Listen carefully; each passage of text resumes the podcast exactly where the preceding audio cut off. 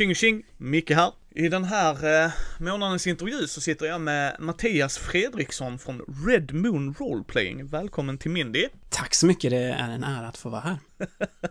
det är en ära att ha med dig. Vad jag förstår det så lyssnar du på podden. Ja, helt klart. Det är väldigt eh, intressanta intervjugäster du har haft med och eh, här senast så lyssnade jag på eh, avsnittet där du hade Axel med eh, från Vi spelar rollspel och ni pratade om Action Play, vilket ligger mig väldigt varmt om hjärtat och det nämndes Red Moon Roleplaying ett antal gånger också så det var extra kul. Ja, nej, jag, som jag sa, jag har inte lyssnat på allt, men eh, jag vill gärna prata om den då, för den är i min lyssnarlista. Jag kör ju som sagt, som folk vet nu, lastbil. Så jag har snittar väl 20-30 timmars körtid i veckan och lägg på då att jag går ut med hunden två gånger om dagen när jag är hemma på min frivecka. Så det blir en lyssnad om det en hel del på poddar. Som sagt, vi har börjat prova ett nytt format på våra intervjuer som folk har lyssnat innan. Uh, så jag tänkte vi ska börja, du är ju liksom med i Actual Play-podcasten Redmond Roleplaying som vi sa. Men hur började du med rollspel? Det är väl en ganska så normal början för en svensk. Det var Drakar och Demoner. Uh, jag kom inte in på den här första gyllene eh, eran, utan jag kom mm, in först med Drakar och Demoner 6. Så det här är runt eh, liksom slutet av, eh, av 90-talet, början på 2000-talet. Eh, Drakar och Demoner 6 och eh, det var väl kanske det som fick mig att börja titta på, eh, på papper och penna rollspel var nog egentligen datorrollspel. Så det var väldigt mycket Baldur's Gate och Planescape, Fallout, sådana spel som jag la en väldans massa timmar på och insåg att ja, men det här kan man ju göra på, eh, på andra sätt också och med mycket mer frihet. Och det var så jag började, började spela Drakar och Demoner och sen Dungeons Dragons 3rd edition och så. Efter det var det ja, en, en hel massa olika system som jag kört. Mm. Vad, vad var det som lockade dig med det då? Vad var det som, oh det här är intressant ju för att jag tänker mig, eh, jag spelar ju, jag kommer ju in via Magic och brädspel ju, så kommer jag in i svängen. Och vi spelar ju konsolspel och sånt också. Men jag vill ju alltid prova rollspel. Hur, hur var det liksom? Vad var det som lockade med rollspel för dig? Jag tror att det är mycket berättelsen och möjligheten att påverka berättelsen direkt. Att man inte bara ser en en film som det liksom kunde vara i, alltså i de flesta eh, tv och datorspel så är det ju, eh, du har ju väldigt liten möjlighet att egentligen påverka någonting. Men i datorrollspelen så, de som liksom gör det bra så har du ju möjlighet att styra storyn och dina val spelar roll. Och, och, och det, det ger en helt annan typ av uh, eh, känsla av att man åstadkommit någonting när man sen, när man sen klarar spelet. Men datorrollspel är ju fortfarande bara, just den, den makt man har att förändra berättelsen är ju fortfarande väldigt, väldigt begränsad. Så när, eh, när jag förstod att eh, papper och penna-rollspel gav mycket mer möjligheter så då kändes det som den, den perfekta, liksom, den perfekta matchen för mig liksom. Mm. Ja, jag kan inte annat än hålla med. Här får man ju påverka beroende på vilka man spelar med såklart, men så som vi spelar och med de jag spelar med så påverkar alla storyn på ett eller annat sätt. Mm. Men vilket är ditt favoritrollspel just nu? För du har ju spelat en del i podden. Uh, och jag antar att du har spelat lite själv under åren också så. Ja, precis. På podden har vi kört eh, 30 olika system nu, så att vi har väl fått en, en viss uh, erfarenhet med, med de olika som finns där ute. Men det som jag gillar allra bäst är väl det vi började med egentligen, och det är Cult Divinity Lost, alltså nya versionen av Kult. Just för att det mm. är så pass, alltså det är väldigt lättviktigt och enkelt och liksom fokuserat på det narrativa. Det stödjer verkligen det här med att skapa en, en, en story med flow. Det, det, lägger sig aldrig i vägen för att, att berätta en, en bra berättelse. Eh, och sen är det ju så fint att, att det, liksom, det är satt i vår värld, eh, vilket gör att det man, det man kan jobba med är ju liksom oändligt. Man kan jobba med alla olika tidsperioder. Wikipedia är ju din vän där, liksom. Du kan hitta precis vad du vill om precis vilken tidsera eh, som helst, så kan du liksom förlägga din, din story där. Eh, så att eh, bästa settingen och ett fantastiskt bra regelsystem. Och eh, Helmgast har gjort ett riktigt, riktigt bra jobb där. Ja, jag har ju eh, det också. Jag har inte kommit till den. Eh, du vet, jag gör mina första intrycksvideos, så jag ska börja med Apocalypse Now. Bara för att visa från början, sen kommer jag lätt gå in i det. Eh, min co-host Andy älskar ju Kult, så att det var inte så konstigt. Jag köpte faktiskt det av Petter uppe på Gothcon, så jag köpte på mig allt där, så att jag ser fram emot det och jag ser fram emot att lyssna på era avsnitt om det också. För jag har också hört att många säger att det är så immersive och Alltså, följer med rätt lätt. Mm. Ja, men det är kul att höra. Ja. Föredrar du att vara spelledare eller spelare? Definitivt spelledare. Det, det är någonting med det här med att, att man, man får ju vara med så pass mycket mer också när man är spelare. Man, är ju, man spelar ju ut så pass många olika roller och man har möjlighet att, att ta upp ämnen som man själv tycker är intressanta och ja, när det gäller liksom just det här berättelsevävarbiten så har man ju som spelledare en, en helt annan eh, möjlighet att påverka. Så att det är definitivt den roll som jag, eh, som jag gillar bäst. Sen är det kul att vara spelare ibland som, eh, som en sån här palette cleanser och, och liksom bara för att kunna koppla av lite grann då och då. För att det är ju det är mer jobb att vara spelledare i, i största allmänhet. Ja. Men, eh, men definitivt om jag får välja så är det spelledare. Ja, nej, nej, men det är precis, precis. Och jag, nej, jag kan hålla med. Ja, ehm, för mig går det i perioder, men absolut, att vara spelledare är du ju med hela tiden. Att vara spelare så är man ju inte det alltid. Nej. Beroende på hur man spelar så såklart. Men vad är skillnaden på poddrollspelaren Mattias och vanliga inom kaninöron-rollspelaren Mattias när du inte har mikrofon och utrustning och tjofaderullan utan du sitter med dina polare bara vanligt vid bordet? Egentligen är det en väldigt liten skillnad. En av anledningarna att vi startade Red Moon Roleplaying var, eh, var Actual Play var det sätt som jag kom tillbaks in i hobbyn på kan man säga. Jag hade en väldigt lång eh, period när jag inte spelade någonting överhuvudtaget eh, under universitetet när jag började jobba och sådär. Och det var med den här vågen som kom med Kickstarter, med eh, Äventyrsspelsboken och sen också Actual Play-poddar och Vi spelar rollspel och rollspelsradio var de första som jag lyssnade på. Och det de gjorde var ju verkligen att de, de gjorde det möjligt att, att få återuppleva rollspel igen, alltså komma in i, i hobbyn på ett, på ett, eh, ett enkelt sätt och, och känna mindre press för att liksom allting måste vara perfekt när man sen själv börjar spela eh, igen. Men eh, en av de sakerna som jag upptäckte då, desto mer olika action play-poddar som jag eh, lyssnade på var att väldigt många la väldigt stor vikt vid liksom humor, det var väldigt mycket det här, nu ska det vara kul runt bordet och att fånga just den, den känslan. Och det är helt klart den modell som har varit mest framgångsrik och det finns fantastiska eh, poddar där ute och eh, poddar eh, som, har, som har gjort det riktigt, riktigt bra. Det jag saknar lite grann var en, en podd som spelar mer likt det sätt som jag och min spelgrupp brukar spela, vilket är vi, just, det är egentligen just det sätt som vi spelar på i podden, just det, mer att man håller sig in character, man håller inte på att skämta runt om det inte är någonting som karaktären faktiskt skulle säga och försöka liksom fokusera lite grann på det här lite tyngre dramat eller liksom verkligen gå in i karaktären helt, eh, helt och fullt och våga liksom vara sårbar på det viset.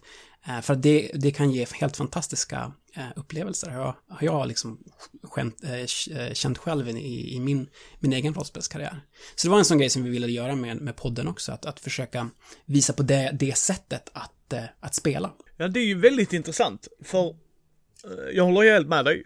Och jag tror kanske många nu killgissar jag, eh, som kanske tror att ni hade, att ni inte spelar så privat och det är jätteroligt att man får höra att det är så ni gör. Skillnaden är väl att ni har mikrofoner framför er mer eller mindre då.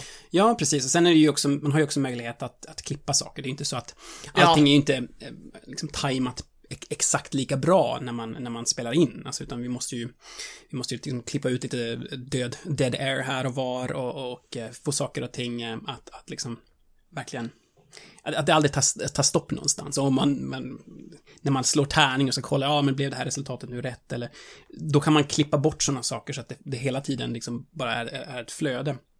För det känner vi eh, ger en bättre eh, lyssnarupplevelse. Men det är inte kanske helt eh, som det är när man, när man spelar själv. Då är det lite mer, ja men nu ska, måste vi kolla den här regeln och eh, liksom sådana grejer. Så det finns ju en skillnad i hur hur eh, det låter på podden och kanske hur låten vi spelar in. Men själva ska man säga, det sätt som vi, vi eh, approachar eh, rollspelandet och, och hur vi eh, tar oss an våra karaktärer och att, att liksom leverera repliker, det, det är samma sätt som jag är van att, eh, att, att, spela. Sen kan, kan jag säga att några, alltså de som jag spelat in med, Hjalmar och eh, Craig som är eh, del av, så att säga, kärn, kärngruppen, när de har spelat tidigare så har de spelat väldigt så här normalt, så att säga, mer liksom ett gäng kompisar som knackar orcher tillsammans liksom och Eh, så för dem var det lite nytt kanske eh, när vi körde igång, men eh, de kommer bägge, bägge från en skådespelarbakgrund så att det var liksom, det var väldigt enkelt att, att, att använda de liksom, färdigheter de har, har därifrån och, och liksom applicera det i, i podden sen. Mm. Får du spela rollspel utanför podden? Jag försökte i början, men det blev, det blev alldeles för svårt att hålla igång det. Vi har haft ett väldigt, väldigt högt produktionstempo. Har gett ut, är det, 300 avsnitt Eh, på snart tre år nu och eh, 30 ja. olika system och sen har vi 100 avsnitt också på våran Patreon som, som bara ligger där. Eh, så det har blivit alltså mer än 400 timmar liksom med släppt material och då Ja, det, det, är långt mycket mer liksom som vi faktiskt har, har, har spelat också så att eh, nej, det finns inte riktigt eh, tid för det, uh, tyvärr. Men uh, det skulle vara kul. Mm. Ja, nej, jag misstänkte det, men det är ju bra att ställa frågan. för just produktionsvärdet och att du är familjefar och jobb och uh, det behöver ju inte vara så heller, men det, alltså någonstans måste man prioritera tiden ju. Och har ni då som sagt så mycket material så, ja. Och du får ju spela det också, så Ja, det är exakt. inte att Det bästa med en podd egentligen är just att man får spela så pass mycket, för att det, du har hela tiden en anledning att göra det. Du har ett släppschema som du måste hålla dig till och eh, ehm, du har en, en publik liksom som vill, som vill höra hur berättelsen går. Så att du har ju inte liksom, det som kan hända ganska ofta, eller som hände mig i alla fall när vi spelade, var ju att, eh, att kampanjer kunde liksom självdö, eller liksom äventyr kunde bara ta slut för att spelledaren orkade inte längre, eller det var någon som flyttade, eller vad det kan vara liksom.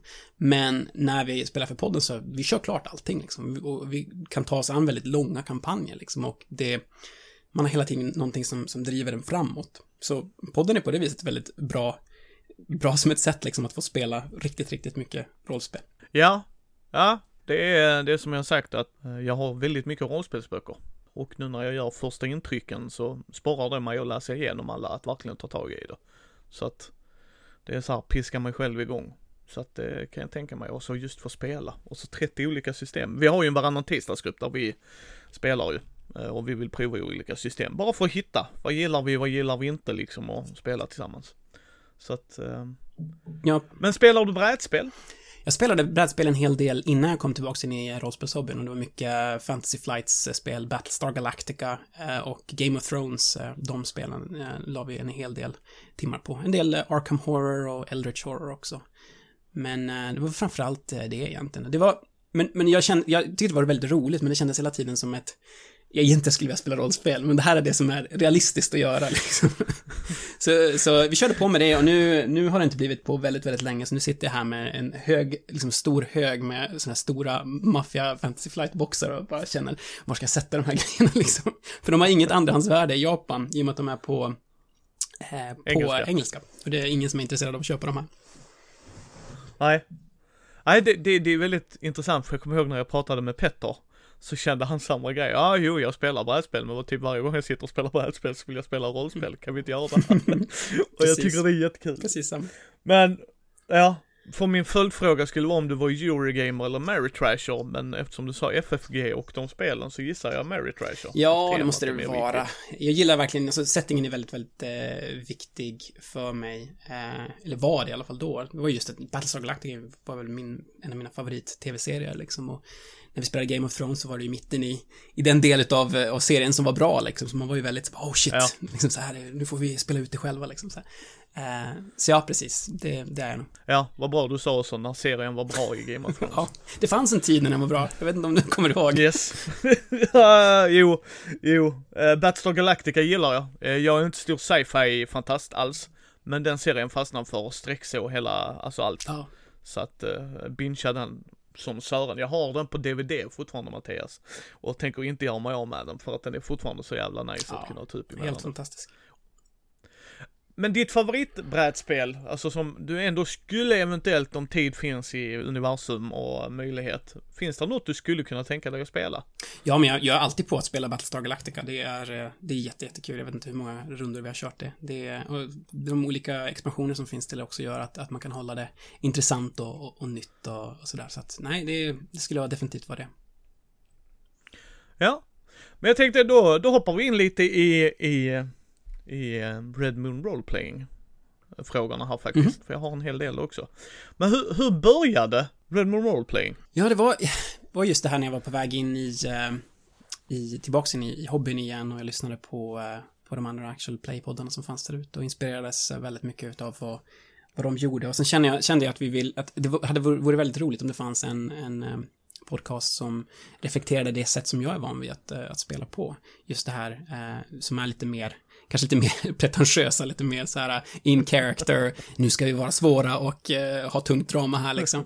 Eh, jag kände inte att det fanns inte direkt någon som gjorde det på, på det viset. Särskilt för skräck kan jag känna att det är extra viktigt egentligen att man gör det på det viset. Jag, jag, vet att det finns folk som tycker att det väl, man kan visst köra skräck och liksom sitta och skratta och ha det kul tillsammans.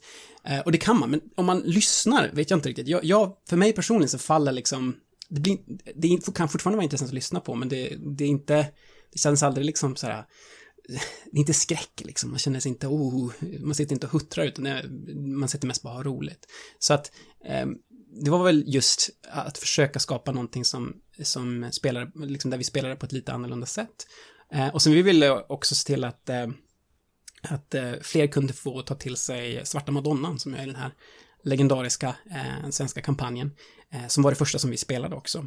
Eh, för att det är väldigt många som har hört talas om den och, och, och kanske velat ehm, jag har velat spela den någon gång, men den är ganska lång och ganska så mastig att ta sig an. Så att eh, där kände vi att då kunde vi låta fler eh, få uppleva den eh, i samband med att, eh, nya, med att Kult också skulle komma ut på, på nytt. Eh, så det var, det var det första vi spelade och eh, det var sjukt häftigt att få, eh, få, få göra det och få så mycket stöd från Helmgast också. De var jättepå och, och, och pepp och eh, vi fick, jag fick vara med och eh, hjälpa till att, att fräscha upp kampanjen bland annat. Så du kan hitta mitt namn om du tittar i Svarta Madonnan-boken där.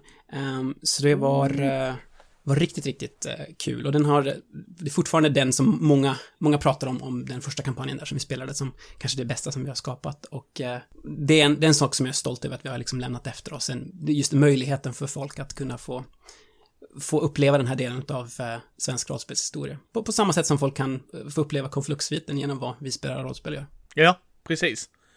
Eh, det, det tycker jag är intressant. Vissa vill ju inte höra färdiga kampanjer. Alltså det är så för att de själva vill uppleva det.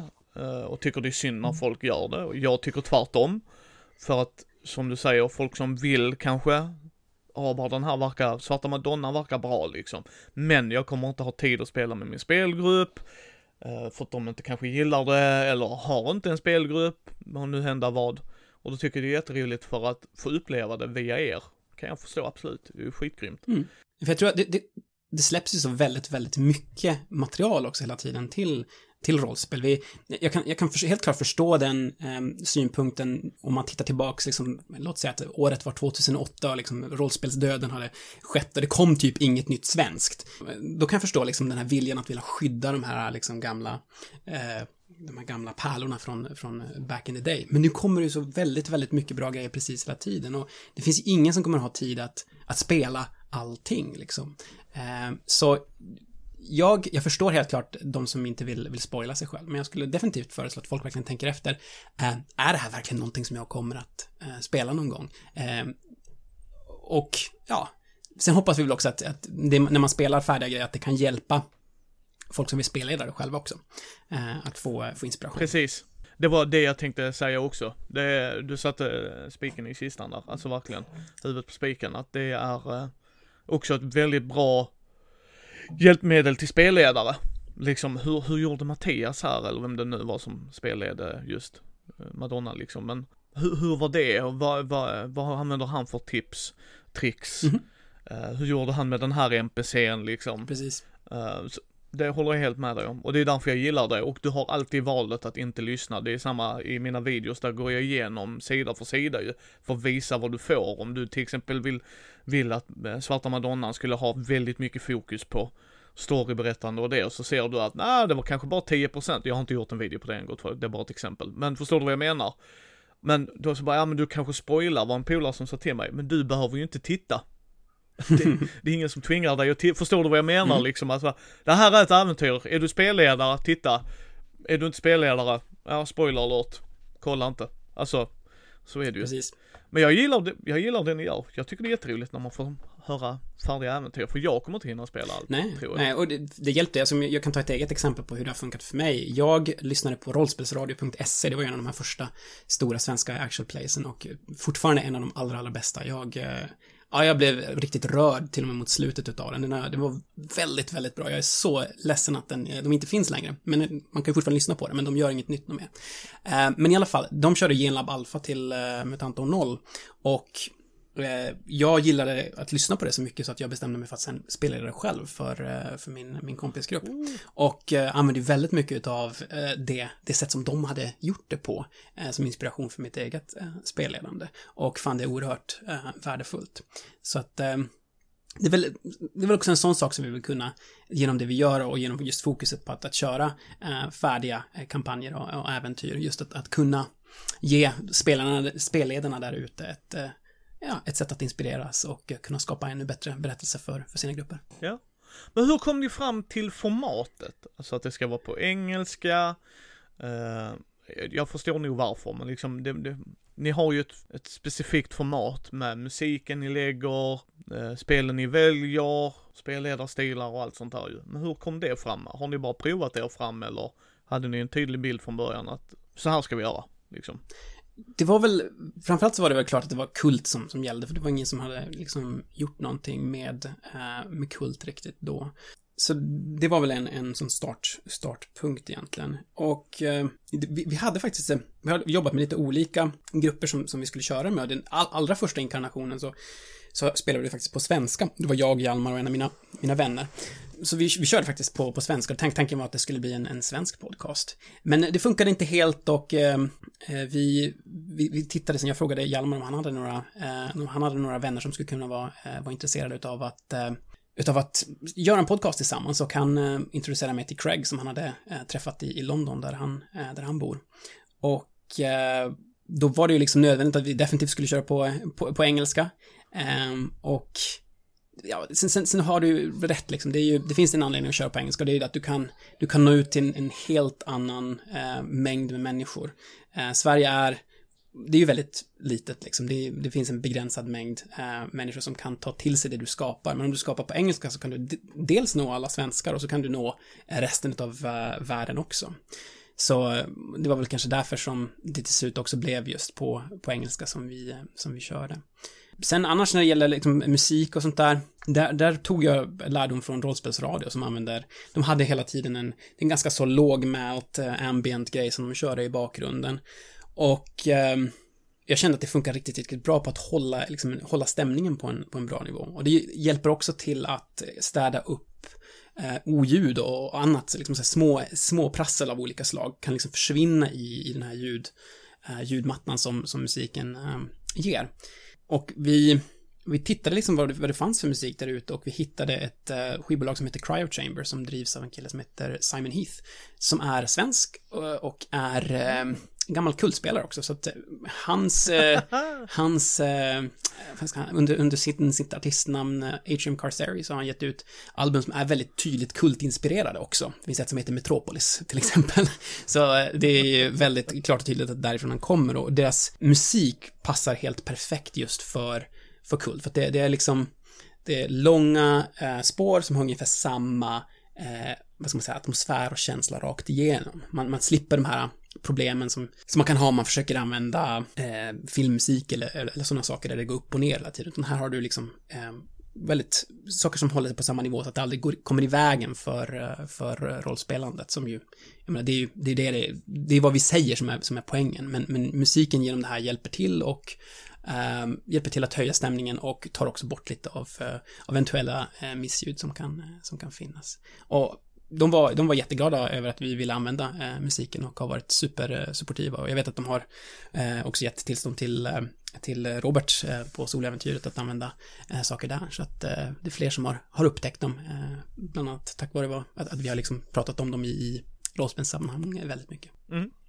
Men ni använder ju Använder ni ljudeffekter och det också? För jag för mig att jag hör, alltså du vet så här lite bakgrundsljud och... Det beror på vilken, eh, vilket, eh, vilken kampanj det är. Generellt sett så använder vi inte ljudeffekter, mest för att det tar väldigt lång tid att eh, göra. Ehm, det vi brukar göra är allting att vi brukar lägga på, om någon pratar i telefon så brukar vi lägga på ett sånt här basic telefonfilter som finns i Audacity. Jättelätt, men det gör, ja, det gör att det känns som att det är ett telefonsamtal. Eh, så när jag redigerar så det, det är liksom, det är gränsen för hur mycket ljudeffekter jag lägger in. Men eh, Hjalmar, eh, han är väldigt, väldigt duktig på att redigera och eh, han gör våra Vampire-kampanjer. så No Man is an Island och eh, Chicago by Night, eh, The Sacrifice till exempel. Och han lägger in en väldans massa ljudeffekter och eh, har ett stort, liksom byggt upp ett stort ljudbibliotek med, med grejer som han, eh, som han lägger in där och eh, Ja, det, det, det hjälper helt klart eh, att, eh, att höja stämningen tycker jag och eh, det gäller bara att man gör det på rätt sätt liksom. För det, om man gör det på fel sätt så, så kan det liksom, det kan sabba stämningen och ja, det är inte alla som gillar när det är så, så in, in your face liksom med, med ljudeffekter så att man får vara väldigt försiktig med det. Nej, men precis. Ja, ja, ja. Jag kan tänka mig att det är en balansgång och sen att det lägger till så jädra mycket tid. Uh, vanlig, vanlig redigering tar tid nog, mina vänner. Det gör det. När vi, när vi klipper som vi klipper så ungefär var det en timma per 10 minuter färdigt eh, material. Så att det är liksom varje avsnitt är 6-7 timmar eh, arbete liksom.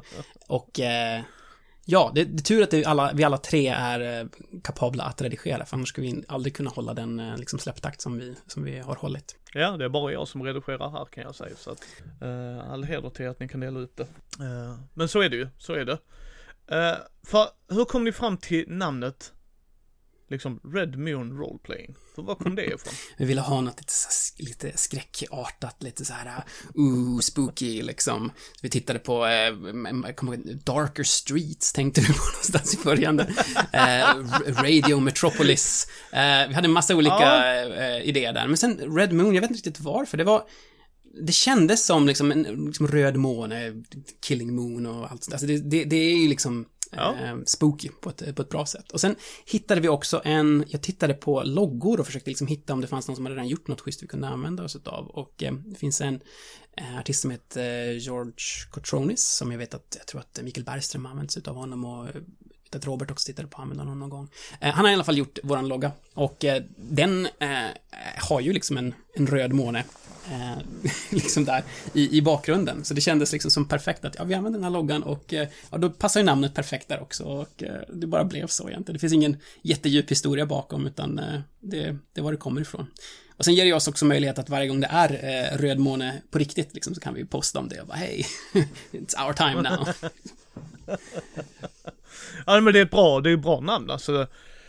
Lätt att komma ihåg, Uh, samtidigt så sätter det tonen lite, så att absolut, absolut. Uh, mycket, mycket bra val tycker jag. I slutändan är det ju så också. Tiden får ju utvisa men. Uh, vad är det roligaste med att göra AP-poddar? Jag tycker det är jättekul att eh, få möjlighet att interagera med så pass många inom hobbyn. Vi har ju eh, haft möjlighet att eh, göra avsnitt tillsammans med Ed Greenwood till exempel som skapade Forgotten Realms. Vi har haft Eh, eh Robin Laws, som är en stor eh, speldesigner. Vi har haft eh, Jason Carl från White Wolf till exempel, som har varit med och varit spelledare eller spelare på, på podden. och det har liksom att få spela tillsammans med de här legenderna så att säga från, från hobbyn. Eh, Gunilla Jonsson har varit spelledare för oss till exempel. Det, det är sådana saker som ehm, bara är möjliga egentligen just för att vi gör en podd. För att då, liksom, då, då, då, kan man få ihop en, ett, ett sånt typ av, eh, utav spel. Eh, och det är fantastiskt kul hur öppna alla är för att göra samarbeten. Eh, det, handlar egentligen mycket om att bara fråga eh, och folk är nästan alltid på och är nästan alltid intresserade av att, eh, av att skapa någonting tillsammans. Eh, och, och, då får man liksom möjlighet att, att göra de här grejerna som men vi har haft Anders Blixt körde Traveller med oss en gång till exempel och ja, det har varit helt, helt fantastiskt egentligen, just den biten. Och få träffa alla de här fantastiska speldesignersarna som, som finns där ute. Jag kan inget annat än att hålla med. Det är en av de roligaste grejerna med diskussionspoddar. Uh, jag uh, intervjuade nu och det kommer nu i början på juli Fredrik Malmberg. Mm. Det var som sån uh, milestone jag hade. Första jag ville intervjua var Fria Ligan för jag älskar deras produkter. Så Thomas är en av de första så här, det var liksom mm, den var rolig att intervjua. Det har alla varit, men det var liksom en sån som jag såg fram emot i början. Och sen så frågade någon mig, vad har du för nästa mål? Fredrik Malmberg. Och så har jag bara skickat till han på en ren så bara, nej men jag, jag, jag, jag frågar. Jag, jag chansar. Och han bara, ja jag är gärna med. Och man bara, yes. ja, han är jätteschysst. För att, ja, nej men för mig är det, jag tycker det är jätteroligt att prata med folk att intervjua som här, få sitta med dig och lära känna folk. Jag tycker det är jättekul. Jag tycker det är absolut roligt att lära känna nya människor och byta idéer och se det från ett annat håll och så. Så att, att som du säger, få chansen med att göra jag menar han som gjorde Forgotten Realms, liksom hello. Precis, man har ju sett det namnet alltså. ett par gånger liksom. Så bara, ah, ja, kan man prata med honom och han är liksom en helt vanlig, schysst, liksom, han jobbar på bibliotek och så här, det var hur kul som helst att kunna, kunna skapa tillsammans på, på det viset. Och det är också väldigt väldigt skönt att kunna lämna efter sig eh, spel tillsammans med de här, här legenderna. Gunilla Jonsson och Mikael Petersen till exempel hade vi då som, de spelade det första eh, äventyret till Kult som de körde när Kult introducerades på Lincoln. Eh, till exempel körde de ju oh. på, eh, hos oss. Och det blir lite samtidigt något slags historiskt dokument lite grann. Just någonting man kan man kan komma tillbaks till i, i framtiden som framtida rollspelare också kan, kan lyssna på. För att det är sådana saker man skulle vilja ha. Jag skulle jättegärna vilja höra liksom hur lät det när man spelade med Gary Gygax till exempel. Men det går ju inte längre. Ja. Eh, så det därför, därför känns det väldigt skönt att kunna lämna efter sig sådana här saker som till exempel, hur låter det när Ed Greenwood spelleder? Precis, jag håller helt med.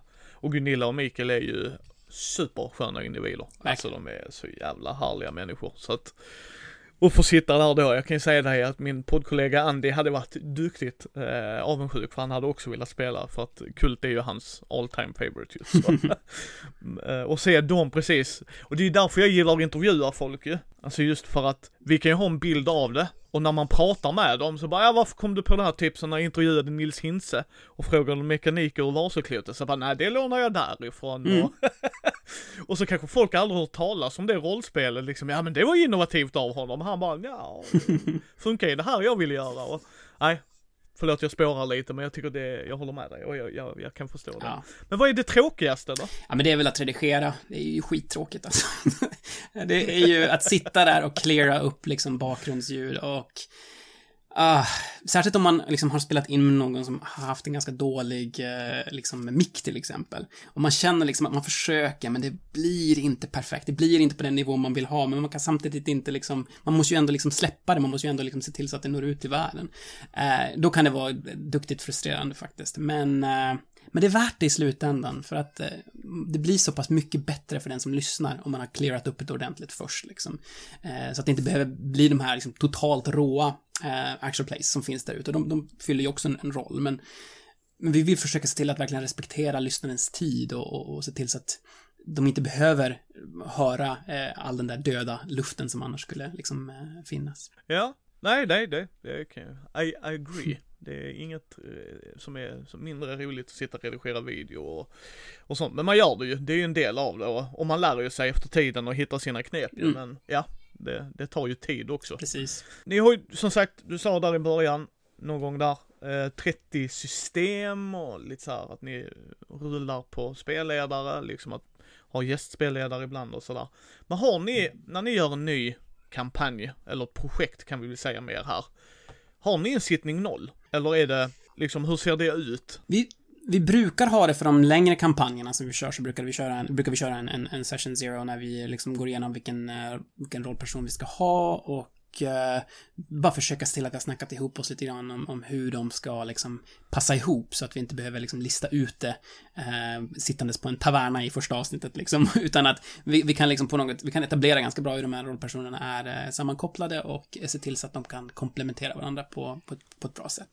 Eh, när det gäller gäster och sånt där så är det ju, kan det ju oftast vara ganska svårt att bara få folk att komma till, till en grej liksom, så att, att, att eh, be dem komma för en session zero och sen köra igång efteråt, det är normalt sett ingenting som vi har riktigt möjlighet att göra, utan vi försöker att hantera det eh, via, eh, via chatt istället innan. Men vi har haft eh, ett spel som vi körde här nu ganska så nyligt när vi körde Star Trek med Sam Webb från Modifius. Ehm, så han ville definitivt köra en, en session zero med oss och vi skapade karaktärerna tillsammans. Vi, vi använde oss av den roll, roll, vet det, rollpersonsgenerator som, som finns till Star Trek och den är ganska, inte för att nu liksom helt deraila, men den är väldigt häftig i det att det är liksom ett sånt här life path-system där man skapar eh, liksom eh, karaktären från det att den kommer in i Starfleet Academy, vad gör den där och liksom var har den varit posterad och eh, liksom den, den processen att skapa är, det är liksom någonting som, lite av ett spel egentligen. Och det kändes jättekul att göra det tillsammans med, med, med honom då. Och han såg också till att vi körde en ordentlig sån här consent form, liksom där vi tittar på vad är det för ämnen vi inte ska ta upp, vad är det, vad är det vi vill se. Han, det, det var en grej som jag tyckte var väldigt bra med honom, just att det var inte bara fråga vad är det vi inte får ta upp, utan vad vill ni se? Eh, och eh, ja, ni får se vad, vad, vad, vad det var vi ville se när vi, eh, när vi släpper det avsnittet, men eh, men han såg definitivt att leverera på det. Så att, eh, ja, det, Session Series är, är eh, riktigt bra. De är helt klart värda att investera i. Ja, det pratar vi väldigt mycket om i podden som du kanske har hört att, för vi tycker ju det för att vi alla är människor, vi alla kan göra fel. Men man kan mitigera de felen totalt genom att ha, och där blev jag förvånad, positivt förvånad, väldigt positivt förvånad att man har ett sånt formulär, för det är ju skitbra.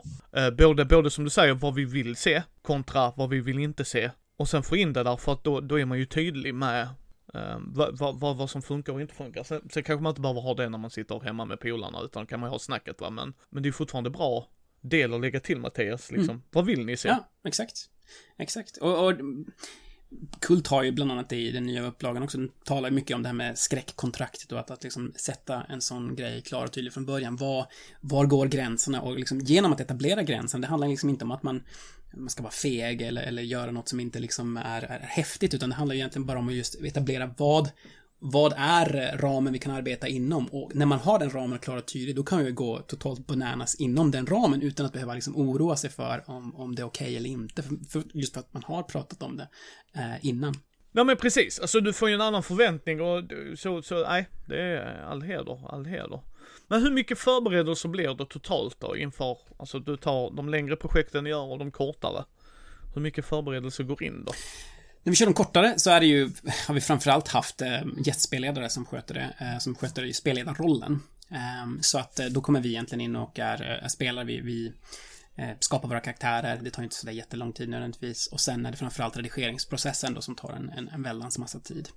När vi gör våra egna eh, kampanjer och sådär, då, då tror jag det, det är lite olika tror jag från, beroende på vem det är som är spelledare. Jag, jag själv brukar definitivt lägga i alla fall så mycket tid som sessionen kommer att ta i förberedelser inför den liksom. Så att om, om vi ska spela tre timmar så har jag i alla fall eh, tre timmar när jag har liksom suttit och försökt komma fram till vad, vad är det för eh, saker som jag vill ha med här. Eh, jag brukar lägga väldigt mycket tid på just beskrivningar utav eh, platser och personer. För att jag är inte nödvändigtvis så jättebra på att improvisera fram det. Jag har inte nödvändigtvis det mest liksom eh, det, det, bredaste vokabuläret, särskilt på engelska, i och med att vi spelar på engelska, det är ju inte, det är inte mitt mitt eh, hem, hemspråk, det är, inte det, det är inte mitt native language liksom. Modersmål, Det är inte mitt moder, modersmål, precis. Så att jag har inte riktigt eh, den mängd ord som, som jag kanske skulle ha äh, haft på svenska och men däremot så kan jag ju liksom se till att jag, jag ordnar det innan. Jag, jag jag förbereder, förbereder de beskrivningarna äh, innan så att jag kan liksom leverera dem och sätta stämningen väldigt, väldigt bra. Och sen när det gäller resten liksom så har man ju, där improviserar man ju fram det utan problem. Men just det är en sån sak som jag brukar rekommendera äh, när vi får sådana frågor till våran, våran egen sån här qa podcast som vi gör på Patreon just där. Att se till att, att förbereda Eh, platsbeskrivningar och beskrivningar eh, av, eh, av SLP för att det ger oerhört mycket i att liksom sätta stämningen och ja, ta spelet till nästa nivå. Liksom. Mm. Ja, nej, men det, det, är intressant att höra ju, för vissa spelledare preppar noll, eh, och så, så, är det ju hemma vid också, liksom, så är det ju, och du, du ska göra en tight produktion, så då kan jag tänka mig också att det är ett annat lager av lite så här förberedelser och det också. För att, för som sagt, du spelar ju inte bara för din grupp, utan där är lite andra, som du säger, tänka på ord och, och sådana saker Men favoritrollspel i podden som ni har spelat, är det kult, alltså som är ditt egna, eller har du hittat något annat som funkar bättre i poddformat så att säga? Kult är det som funkar bäst i, i poddformat kan jag tycka, helt klart. Vi har fått väldigt mycket eh, positiva reaktioner för vad vi har gjort i Vampire. Eh, också, så det tycks också fungera väldigt, väldigt bra. Jag har inte personligen varit spelare i de eh, spelen, utan eh, har, har varit med och stött, till, stött med redigering och sånt där. Men eh, men det är, eh, det är också någonting som vi har fått väldigt positiv feedback eh, kring. Sen har det ju hjälpt oss där att vi har liksom jobbat med väldigt, väldigt erfarna eh, spelledare.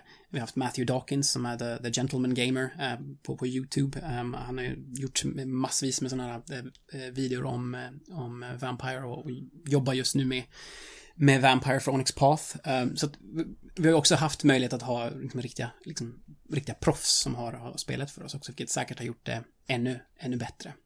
Men jo, nej, det verkar som att det funkar väldigt bra och det, det systemet är ju designat av, eh, av svenskar och eh, ja, det verkar vara riktigt bra. Ja, ja men det är sjukt, sjukt, sjukt roligt. Uh, och intressant ju. För som sagt, vissa, man kan ju ha ett eget favorit också som, ja, det kanske inte funkar men det, jag misstänkte det, det, jag har förstått det på systemet också, vilket jag gillar.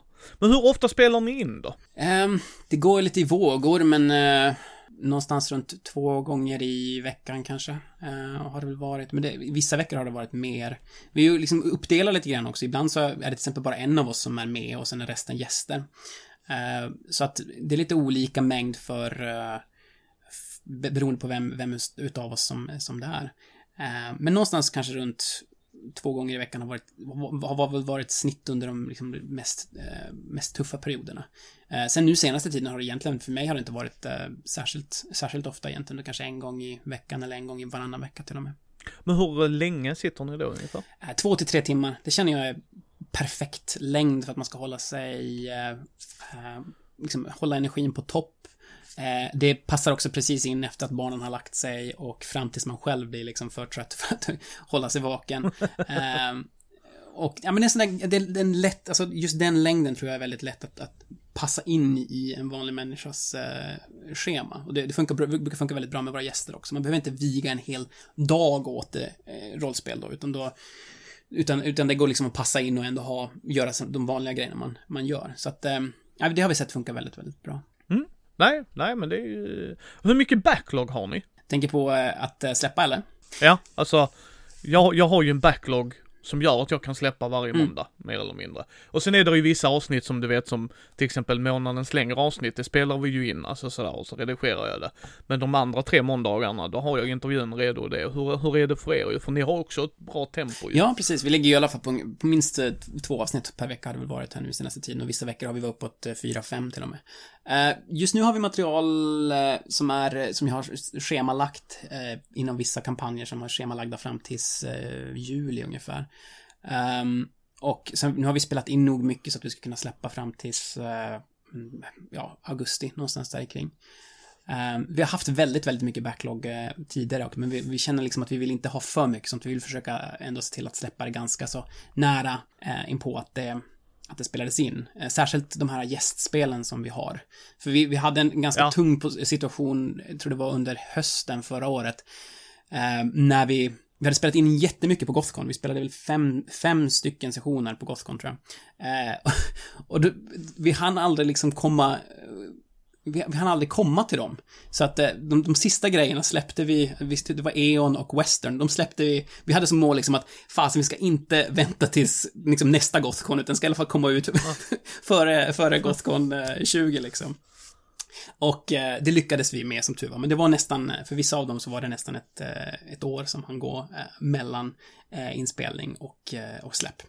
Eh, men det, det är en sån extrem situation och ingenting som vi vill, vi egentligen vill göra. Men, men så har det varit. Ja, nej.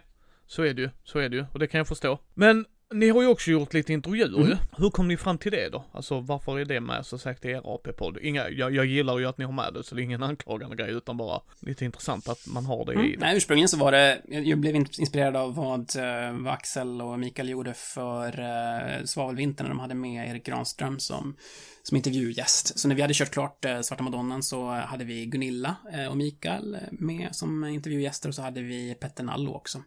Som då pratar om nya kult och gamla kult och liksom vad som låg, eh, låg bakom. Eh, sen efter det har vi haft eh, Fredrik Malmberg ville, ville jag gärna ha med. Jag ville egentligen intervjua så många som möjligt som hade någonting att göra med, med gamla kult. Så han har vi också haft med som, eh, som gäst. Eh, mer har vi haft? Sen har vi haft eh, Anders Blix, precis. Vi hade där ville vi göra en grej om, en, det finns en Sagan om ringen MERP-modul som han gjorde som heter The Kinstrife. Vilket är, det är en intressant grej därför att det är framförallt svenskar som har gjort den här modulen som handlar om inbördeskriget i Gondor. Till då gamla eh, MERP. Eh, och eh, vi ville prata lite grann om just vad, vad, var det som låg bakom det egentligen? Hur kunde det, hur kunde det bli på det viset? Och, och eh, sen tog vi och tillsammans med Andreas Lundström från eh, Sweden Rolls så körde vi det um, scenariot fast i The One Ring. Och så hade vi den här intervjun då kopplat till det som någon slags eh, paket och eh, ja, försökte göra vår, så att säga, journalistiska, eller vad ska man säga, historiska eh, gärning där och, och lämna efter det till, till omvärlden så att folk kunde få veta mer om den här väldigt, väldigt eh, häftiga modulen. Ja, Anders Blixt också sjukt, sjukt trevlig människa att prata med. Så Och det var jättekul att få... Och Andreas också. Ja, verkligen. Och det var jättekul att få spela med Anders Blixt också, för han är ju en sån svensk legend. Och att, eh, han körde Traveller för oss, vilket är det här liksom superklassiska, en av de första rollspelen liksom. Och, ja, jättekul att få, eh, få ha möjlighet att och, och eh, spela tillsammans med honom. Ja, det kan jag tänka mig. Det kan jag tänka mig. Jag har träffat honom ett par gånger, han är jättetrevlig att stå och prata med också, så den eh, erfarenheten och det, nej, nej, så det är sjukt kul att ni har det också och framförallt att ni kan eh, liksom väva in det. Det är jätteroligt. Mm. Men vem, vem, vem har varit favoriten som ni har intervjuat då? Alltså jag förstår att alla är roliga men någonstans har man ju någon som man tycker är lite extra roliga av personliga skäl liksom. Ja, men jag tyckte det var helt fantastiskt att få prata med Gunilla och Mikael. Det var den, eh, den första uh, intervjun som, som jag gjorde. Och just uh, Särskilt efter att jag hade lagt så mycket tid i, eh, i Svarta Madonnan och för, för, att förbereda det och liksom göra en massa research kring det och sen att få prata med de som har skapat det och, och som har skapat Kult som är ett spel som har betytt väldigt mycket för mig eh, också när jag var yngre och vi spelade det, det en hel del. Eh, så det, det betyder väldigt, väldigt, väldigt mycket. Var, jag var ju totalt starstruck liksom när jag var i, i, i den intervjun liksom. eh, så nej, det, det, det, är helt klart den som jag, eh, som jag kommer ihåg eh, mest och, och bäst. Ja, så var det för Andy också. Han blev jätteglad att få träffa Micke och Gunilla, det är ju hans barndom. Att de har hjälpt till där och uh, han sa det, det, han var helt lyrisk. uh, och det var stort för honom. Ni, ni har ju gjort samarbete med olika företag, Helmgast, även Wizard of the mhm. Coast. Uh, var det moderbolaget, alltså inte den europeiska filialen eller det var, alltså? Um, det vi har gjort med uh, Wizards of the Coast, vi har ju, det finns två, två olika grejer vi har gjort där egentligen. En var att vi var med i det som kallades för Podcasts of Avernus, vilket var eh, ett uh, podcastprojekt som de gjorde från, från huvudföretaget i i USA. Där de ville, de satte ihop ett gäng poddar då som skapade en historia eh, satt i inom, mellan de här olika planes som finns inom eh, Dungeons and Dragons. Och det var liksom för att leda upp då till släppet utav eh, Baldur's Gate Descent into Avernus, den eh, kampanj som kom ut förra året. Så vi var, vi var med ja. i den och släppte ett avsnitt när vi utforskade The Astral Plane, det astrala planet där. Och det var då någonting som kommunicerades från, från från eh, Dungeons and Dragons, eh, deras, eh, alla deras kanaler och, de bjöd även in oss att vara intervjugäst i Dragon, Dragon Magazine, vilket var sjukt kul. Och sen efter det har vi, har vi jobbat en hel del också med den, den europeiska organisationen och fått väldigt mycket hjälp av dem att, att liksom dela det, det vi har skapat. De har till exempel delat med oss, när, när vi gjorde den här grejen med Greenwood till exempel, så tog de och delade det via den via Dungeons and Dragons sociala kanaler för att se till så att fler eh, kunde lyssna på det. Eh, så de har varit väldigt, väldigt, eh, väldigt trevliga att och, och eh, jobba med och eh, alltså väldigt, de stöder även liksom mindre projekt, inte bara liksom critical role, utan de, de verkar bry sig om, om alla där ute som vill, eh, som vill spela Dungeons and Dragons för, för poddar och för, för streamar, så att all heder till dem. Ja, men hur har, hur har processen sett ut liksom? Alltså, kontaktade de er? Eh, och det gäller alla då, jag tänker ni har gjort samarbete med. Och, och har ni haft fria tyglar eller blir det så här? Jag förstår det lite hur jag tänker, alltså har de bara kommit och sagt tja, vi vill ha den här grejen. Nej, framförallt har det ju varit, eh, det har varit oftast vi som har eh, kontaktat och när det gäller Wizards of the Coast så var vi, vi deltog i några i, det fanns i London så körde de ett event för för eh, Dungeons Dragons communityn eh, där. Och de hade Satin Phoenix bland annat som var community manager då eh, kom till London eh, vid det tillfället. Och vi, vi, hade möjlighet att träffa dem då på en på en pub där när de körde ett eh, event och fick lära känna dem. Och det hjälpte då oss att liksom få kontakt också med eh, med de andra som, som jobbar med liksom business eh, development och community management för, för Wizards. Ehm, så det var, vi försökte liksom att, att få kontakt och ehm, och det gick, eh, det gick väldigt bra. Eh, Wizards har väl, var väl kanske de som var till att börja med allra svårast att, att, att nå just i och med att så, de är så pass stora och det finns så jättemånga som gör Dungeons and Dragons. Eh, men om man tittar på alla andra företag vi har jobbat med, så har det egentligen mest bara varit att alltså man kollar kontakt, kontakt i mejlen och så slänger man iväg ett mejl och presenterar sig, visar det här är vad vi gör och vad vi har gjort eh, hittills.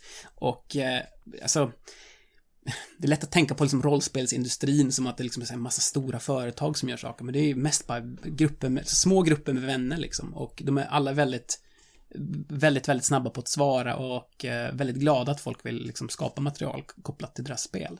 Ehm, så att eh, det har varit väldigt, väldigt enkelt egentligen att, att eh, få kontakt där. Sen, sen, hjälper det också när man har gjort en sak med någon, när vi har liksom spelat med Robin Laws till exempel, som är en, ett, ett, ett namn så att säga inom hobbyn, då kan man liksom alltid Eh, liksom eh, visa tillbaks på att det här är något vi har gjort med, med någon som ni känner till liksom. Så att man på det viset visar att man är, man är kapabel att göra liksom högkvalitativt material och, och eh, av den anledning så, så är man, ja, man bör vara, in, av, eh, bör vara av intresse. Så att det är sådana grejer man också man får, man får tänka lite grann på när man, när man kontaktar företag. Men rent generellt sett så har alla varit väldigt, väldigt eh, supportiva. Men har ni haft fria tyglar då, eller har det varit Ja. Inte superstyrt, det, det kan jag tänka mig att det är, men de har ju också en vision av vad de vill se. Framförallt om man gör ett samarbete. Det är ju skillnad om man tänker mig liksom, hej vi vill göra den här grejen, kan ni stötta oss? Och så stöttar de er. Alltså, det gör de. Medans, du vet då när ni var där i Astralianska, eller vad heter det, Astral Mm. Plane. Uh, hur har det sett ut? Liksom? Om man tittar på eh, Podcasting to Avernus så där var det egentligen en process där eh, det var ett gäng poddar som, eh, som, som bjöds in och, och vi hade liksom kontaktat dem innan och sagt hej, vi är jättegärna med och de bjöd in oss och sen där var det egentligen bara en Discord-server där de sa, åh okej, nu har vi de här eh, planesen här, vilket vill ni ha? Och så eh, blev det Astral Plane för oss bara. eh, och sen hade vi, den, den tror jag är väl kanske den, den mest styrda i det, att det fanns liksom en, en grundpremiss, det fanns en grund, liksom övergripande story som alla, alla poddar skulle koppla till. Så där kunde man inte göra precis, precis vad som helst, utan det skulle liksom ändå gå att koppla till vad som skedde i de andra. Men i allt annat vi har skapat så har det ju varit eh, helt och hållet fritt och det, antingen så har det varit en spelledare från deras sida som har, har, har eh, liksom kommit och varit gäst. Eller så har det, har det varit att vi liksom har skapat någonting och sen bara liksom kontaktat dem för att få eh, promo via, via deras eh, sociala kanaler. Eh, men det är ingen som har liksom försökt kontrollera material eller liksom varit inne på att allting måste vara på ett specifikt sätt, utan alla har varit väldigt, väldigt, eh, ja, lätta att arbeta med egentligen. Ja, men det är härligt. Det är jätteroligt.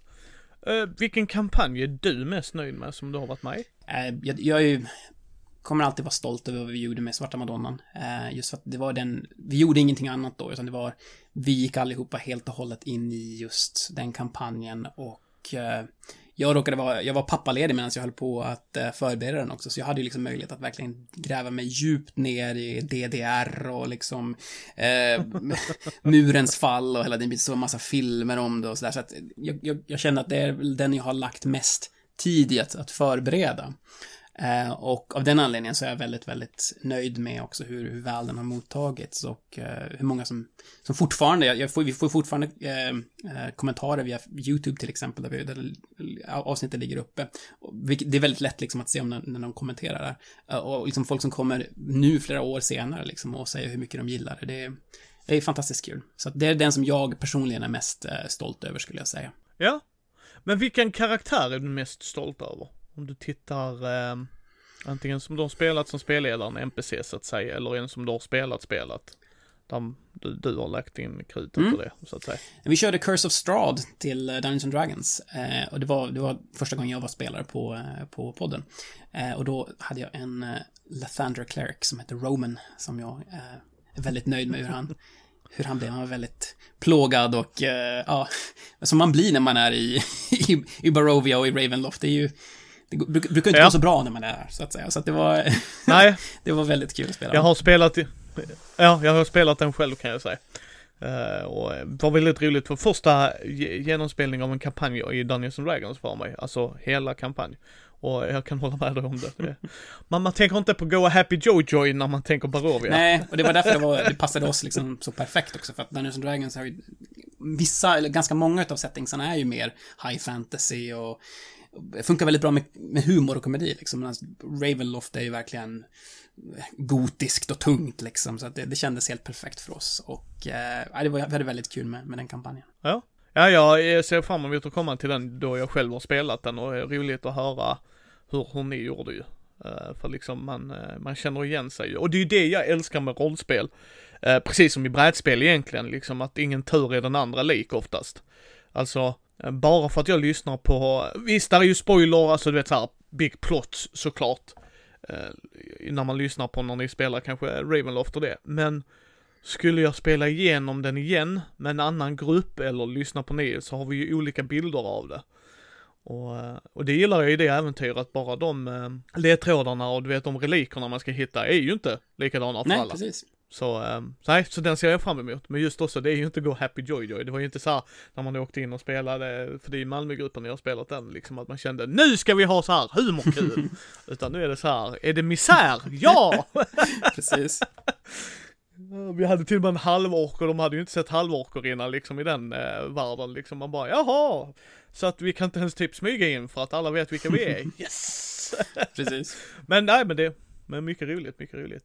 Eh, ni gör ju olika röster till era karaktärer emellanåt skulle jag tänka mig i Mhm. alla fall. För att så var det när jag lyssnar på något avsnitt i alla fall. Men hur, hur går rösterna till? Alltså hur, är det något ni arbetar tillsammans eller någon bara kommer och du bara, okej, okay, okay, då får vi väl arbeta med det då? Ja, nej men det är väldigt, det är helt klart eh, den som eh, spelar den eh, rollpersonen som bara bestämmer vad de vill ha för röst till den. Hjalmar och Craig är ju, de jobbar bägge som, som skådespelare och av den anledningen har de ju liksom, de kan få fram väldigt många olika röster liksom, så varje karaktär är liksom annorlunda från, från den tidigare.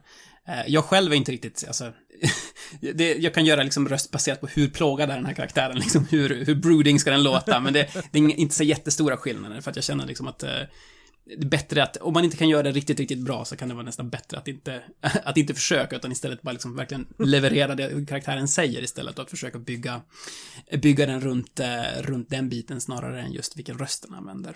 Men, men definitivt, vi använder oss utav, eh, utav eh, sådana tillgjorda, så att säga, röster i, i, i de flesta grejer vi gör. Eh, och ja, det är kul. Det finns, men, men det finns ingen sån direkt eh, process bakom hur vi bestämmer eh, hur den här karaktären ska låta, utan det, det är just eh, spelaren som bestämmer hur, hur de tycker att den ska låta. Ja, och jag, jag, jag kan hålla med. Jag är jättedålig på att göra röster, så jag säger till mina spelare, jag tänker inte ens försöka. Alltså, eh, då, då, då vill jag hellre försöka leverera som du säger, alltså tonen i mm. rösten. Att om, om karaktären är rädd, att alltså göra det med min mm. röst. Mm. Uh, för dels har jag teflonminne. Så, så jag hade inte kunnat göra en konsekvent röst. Skillnad är självklart när jag kör min egen karaktär, absolut. Men om jag som spelledare, det är bara att glömma. Så att då, då vill jag inte att det ska bli campy, du vet, och sådär. Alltså då är det bättre för mig. Som du säger, jag är inte duktig på det, då kör vi. Sen kan man ju öva upp det såklart, mm. men eh, jag har annat i mitt liv jag kan göra. Så någon dag kanske. Men det är jätteroligt att höra era tankar om det liksom. Ni har ju vunnit lite priser både på svenskt håll, Phoenix mm. Awards, liksom, eller våra Phoenix-priser. Och eh, på svenska från Fenix från Åskfågeln förlag liksom. Mm. Och eh, även, jag säger fel på de priserna. Vi, eh, där är vi vann en Ennie. Ennie, tack. Hur kändes det? Det var ju liksom någon slags kulmen, eller det, det allting hade, kändes som att det liksom hade lett upp till, till det. Eh, vi vann, vi vann silver för eh, bäst, bäst podcast på eh, Gencon förra året. Och eh, det kändes liksom som de här åren som vi hade, vi hade lagt på att bygga upp podden från egentligen ingenting. Eh, och allt det här materialet som vi hade producerat och alla de här timmarna fram, sittandes framför Audacity liksom var stirrandes på den där jävla waveformen liksom. Och att, att då få, få den bekräftelsen liksom som det ändå är liksom verkligen, det är ju den största, det största priset man kan vinna som, som AP-poddare egentligen är ju just eh, en Annie. Och just på Gencon, det största konventet liksom. Och ja, det var en, en helt eh, fantastisk känsla. Eh, vi vi var, hade inte möjlighet att, att, åka dit själva, det är väl egentligen det enda som var, eh, som var lite synd, men, eh, men vi hade, vi hade, hade förberett ett, ett, ett eh, tal som eh, Fredrik Malmberg hjälpte oss att eh, få levererat genom eh, hans företag Perilous Worlds. så de, de levererade talet där på, på scenen och sen har vi fått liksom medaljerna hitskickade och ja, nej det vi är oerhört stolta över det och det vi såg till att, att ordna extra medaljer också till alla som har varit med och gjort de här stora kampanjerna med oss. Så Jenny Bremberg till exempel, en, en, någon som har jobbat väldigt mycket med oss. Eh, Anna-Karin Linder och Martin Eriksson och Adam Palmqvist och eh, det, vi har väldigt många som har liksom gjort den här podden tillsammans med oss. Och vi såg till att, att de också fick eh, medaljer för att det kändes som att det här är någonting vi har vi har skapat allihopa till, tillsammans och någonting som vi kan vara stolta över. Ja, det tycker jag absolut. Det är, måste varit en jävla känsla ja. Eh, och det jag kan tänka mig att det är mer reklam också, att helt plötsligt fick, fick ni mer lyssnare då antar jag också Jo, alltså det är ju, det är ju någonting man, vi har ju det liksom som en del utav när vi presenterar oss, att vi är en Any Award winning, för att då har man ju, det är ju liksom, på, på något sätt visar det att det är någon slags kvalitetsmärke eh, ändå. Eh, så att, ja, helt klart, det var, det var många som fick upp ögonen för oss eh, då och, eh, jag menar, varje gång man liksom vinner ett pris eller det går bra i en, eh, en, en poll. Vi, vi, har varit med i den här N-Worlds uh, Favorite RPG Podcasts-pollen också, som, som Sweden Rolls också var med och det gick riktigt bra för dem. Uh, varje gång man har någon sån grej så det ger ju en, en det är nya människor som får upp ögonen för, för podden och kan komma in och, och, och bli lyssnare och, och, kanske även stödja podden via, via Patreon sen. Så att ja, det är väldigt, helt klart värt tidsinvesteringen att, att, att försöka ja, att försöka bli nominerade för de här grejerna och, eh, och sen också att lyfta, lyfta upp det som ett sätt, liksom att, ja, som ett kvalitetsmärke på något sätt. Eh, ja, för att, för att fler ska vara intresserade. För det finns så väldigt, väldigt mycket eh, poddar där ute och att, att nå igenom bland alla dem, det, det kan vara väldigt svårt. Särskilt när man också går upp mot liksom så här stora som Critical Role och alla de här som är liksom massiva och långt större än vi någonsin kan hoppas bli liksom. Eh, så, så hjälper det liksom när man har, eh, ja, om man har vunnit några priser och sådär, kan, kan peka på det liksom som en anledning att kolla in, kolla in vad vi gör. Ge oss en chans. Ja, ja jag lyssnar själv inte på Critical Role. Jag har aldrig varit intresserad av det. Så att eh, det är liksom all heder till dem. Det har jag sagt så många gånger. Jag tycker det är fantastiskt det de har gjort för hobbyn. Så många som har kommit in i det och så. Men, eh, och det handlar inte om att de är dåliga utan de grejerna jag har lyssnat på har varit jätteunderhållande. Men det är du vet när de säger ah nu har vi en fyra timmars stridsscen. Så bara ja pass. de är väldigt långa. Alltså förstår du? Ja och sen har ni ett bra format, en timmes avsnitt. Och det gillar jag för jag vill kunna laga mat, gå ut med hunden och så är det ett avsnitt. Uh, och så vet jag det, att det avsnittet är klart, så nu är jag på avsnitt mm. två. Liksom, men som sagt, all heder till dem, men de är ju stora, de är ju uh, jättestora. Ja, verkligen. Att... Ja, men det är jättekul. Det är kul att de får in nya människor i, i hobbyn och jag tycker ja, att det är eh, alla, alla liksom som uh, skapar material som, som hjälper folk att upptäcka rollspel. Uh, det tycker jag är jättekul. I Sverige har vi ju liksom, vi spelar rollspel och gjort med massa fantastiska grejer. Rollspelsklubben är ju också en stor podd nu till exempel som får upp, hjälp, hjälper folk att få upp ögonen för, för rollspel och också för, för actual play-poddar. Så att jättekul. Ja, jag håller helt med. Det är lite där vi vill ha en diskussionspodd, nämligen att prata om grejerna också att folk ska hänga med liksom att bara för att ha spelat Dungeons and Dragons, eh, jag var och hälsade på World of Board Games killarna i Umeå. Så ehm, hade de ju att folk kom in för att de hade sett, och så vi sa Critical Role spelar och det. Så sa jag bara liksom, det är jättekul att ni provar rollspel, men kom ihåg om inte detta är för er, kom ihåg att det är andra rollspel också bara. Liksom för att hjälpa dem. Det är skitkul att man börjar med Dungeons and Dragons, men jag vill ju inte att det stannar där för folk om det inte är det kul, alltså roliga. För jag vet att en annan eh, god vän till mig, Anton, som jag gör ett mycket fackligt arbete med, hans fru trodde rollspel bara var Dungeons and Dragons. Det var liksom hennes bild mm. av det. Och, eh, och, det är inte fel, alltså jag förstår ju varför, de är just st stora och det. Men så sa jag, nej vi ska spela Varsåklotet och du spelar barn på 80-talet, ett alternativt 80-tal. Och hon blev hooked. Det var jättekul. Ja, att, precis. Nej, det är ju, och, särskilt i USA är ju verkligen Dungeons Dragons är ju, det är ju som en, en egen genre, eh, snarare än, ja. ett, ett rollspel i mängden liksom. Ja, och sen är det så också, sen har vi ju eh, internet idag ju. Alltså idag kan du ju, jag tänker mig att många som kommer in på det tittar vidare också, så att det är ju fantastiskt. Och kanske hittar er, och så ser de bara oj, här har vi en Redmoon, oj, de spelar kult eller använder den här stilen som du sa, för tänk om de inte vill sitta och skämta vid mm. bordet. Mm. Utan de vill köra er stil, och så bara oj, ja, vad roligt. Nej, så all heder till det, håller med dig. Alla AP-poddar, alla diskussionspoddar som finns där ute. All heder till folk. Precis. Vad är den vanligaste missuppfattningen ni har råkat ut för? Um, ja, det finns väl en, en hel del som som tror att det är skriptat liksom, eller att vi har ett manus vi arbetar med. Det har vi inte, utan det är det är förmodligen ett, ett resultat snarare utav, eh, utav klippningen och det faktum att vi också går in för att liksom, vi är medvetna om att vi, vi gör en podd och vi har ett, ett, ett, format som vi siktar på liksom och levererar då av den anledningen liksom repliker på, på ett sätt som kan få det att liksom verka som att det finns ett manus som stöd. Ehm, så det skulle kunna vara en grej. Ehm, att vi inte slår tärning överhuvudtaget, det, det gör vi. Däremot så brukar vi inte göra det så himla mycket nödvändigtvis. Det beror ju på vilket system det är. Eh, första avsnittet av eh, podden till exempel innehåller inte ett enda tärningsslag. Eh, därför att det är liksom, det är ju bara en massa rollspelscener egentligen på en middag i Berlin, eller i Hamburg. Och eh, av den anledningen så blir det inget, blir det inga tärningslag där. Eh, och då kan jag tänka mig att folk får, får liksom för sig att nah, men det här är väl bara någon slags improvisationsteater, inte, inte rollspel på riktigt. Men nej, det är, det är, det är rollspel, det är det vi, vi håller på med, men det är kanske inte alltid hörs just på grund, på grund av eh, det sätt vi klipper på. Ja, nej, det, du, tack Mattias. För det är det jag tror folk missförstår. Bara, ja men de rullar ju inte tärningar. Jo, men de kanske väljer att klippa bort det. Det är liksom, vissa väljer att ha med det tydligt så att du mm hör det. Eh, Så att det är jätteroligt. Jag misstänkte inte att det var skriptat för då, då hade ni inte sagt Red Moon Nej, nej, nej.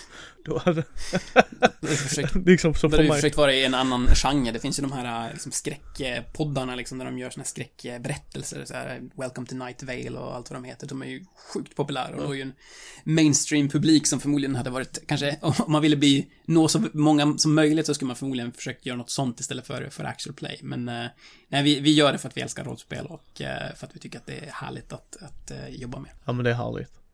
Jag tänkte vi ska ha två avrundande frågor här så ska du få återgå med ditt liv där i, borta i Japan här.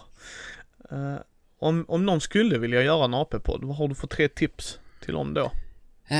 En bra sak att börja med är väl att de man gör det med, att ni är liksom överens om vad vill ni åstadkomma med det här. För att det kommer vara väldigt mycket jobb. Eh, ni kommer förmodligen vara tvungna att eh, göra uppoffringar. Jag har inte spelat tv-spel sedan 2015 egentligen, för att jag håller på med det här istället. Eh, det finns liksom uppoffringar som ni måste vara beredda att göra om ni vill det beror på, och sen liksom vad, vad vill ni uppnå med det? Vill ni bara spela in när ni spelar och det, det är kul om liksom fem pers lyssnar? Eh, om det är det ni vill göra, det är fantastiskt, gör det liksom.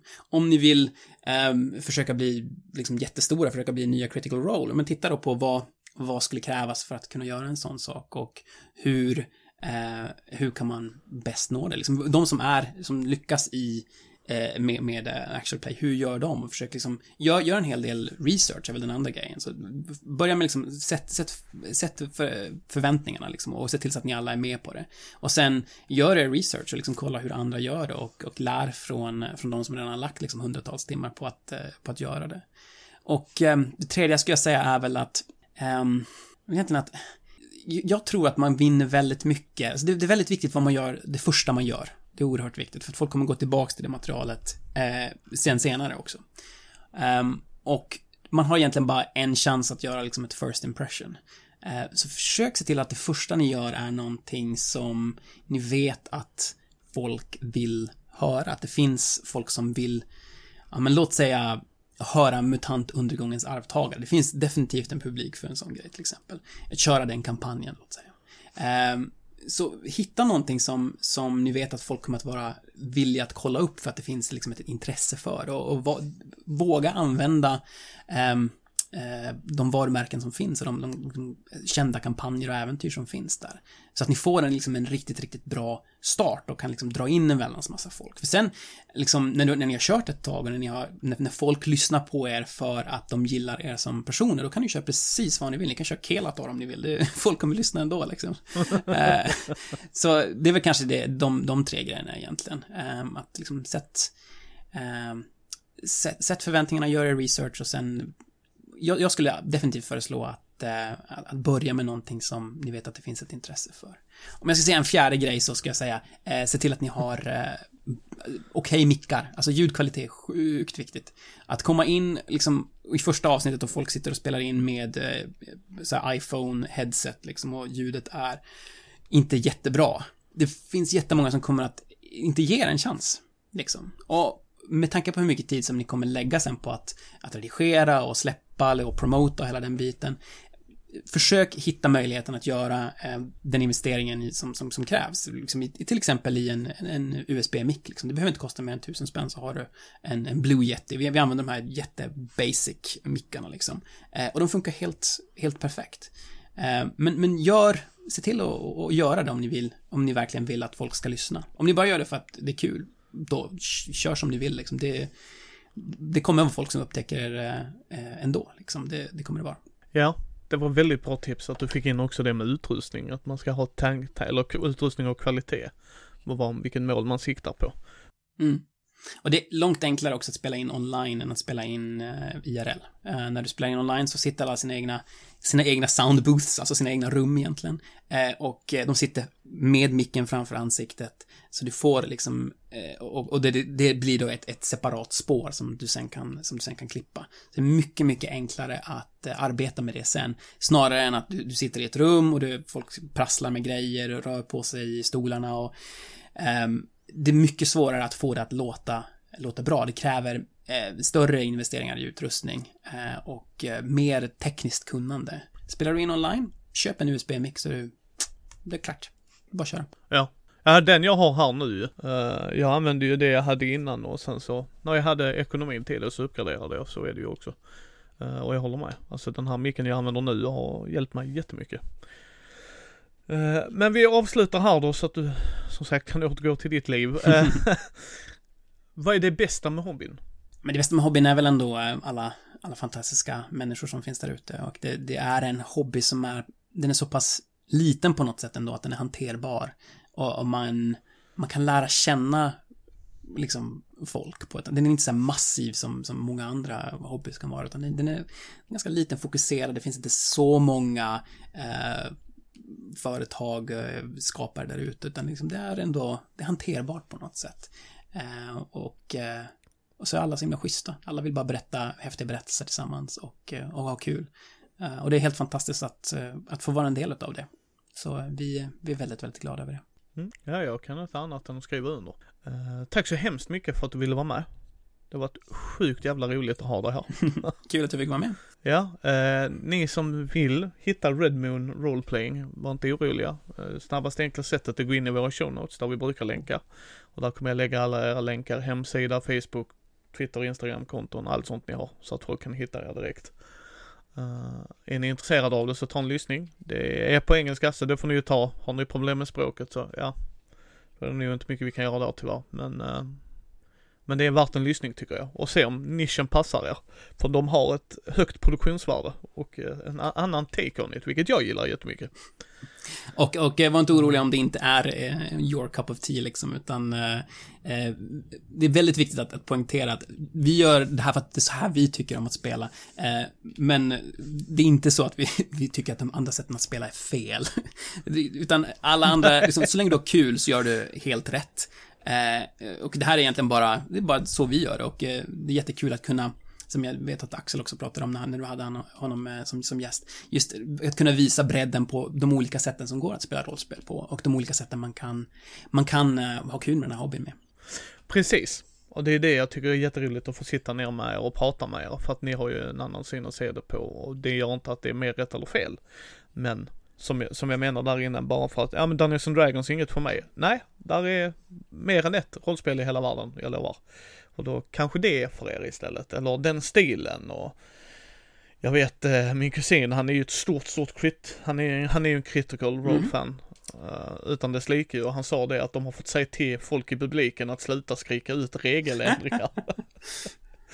Eh, vilket jag spelar ju inte på det sättet alls, alltså att regler är superviktigt.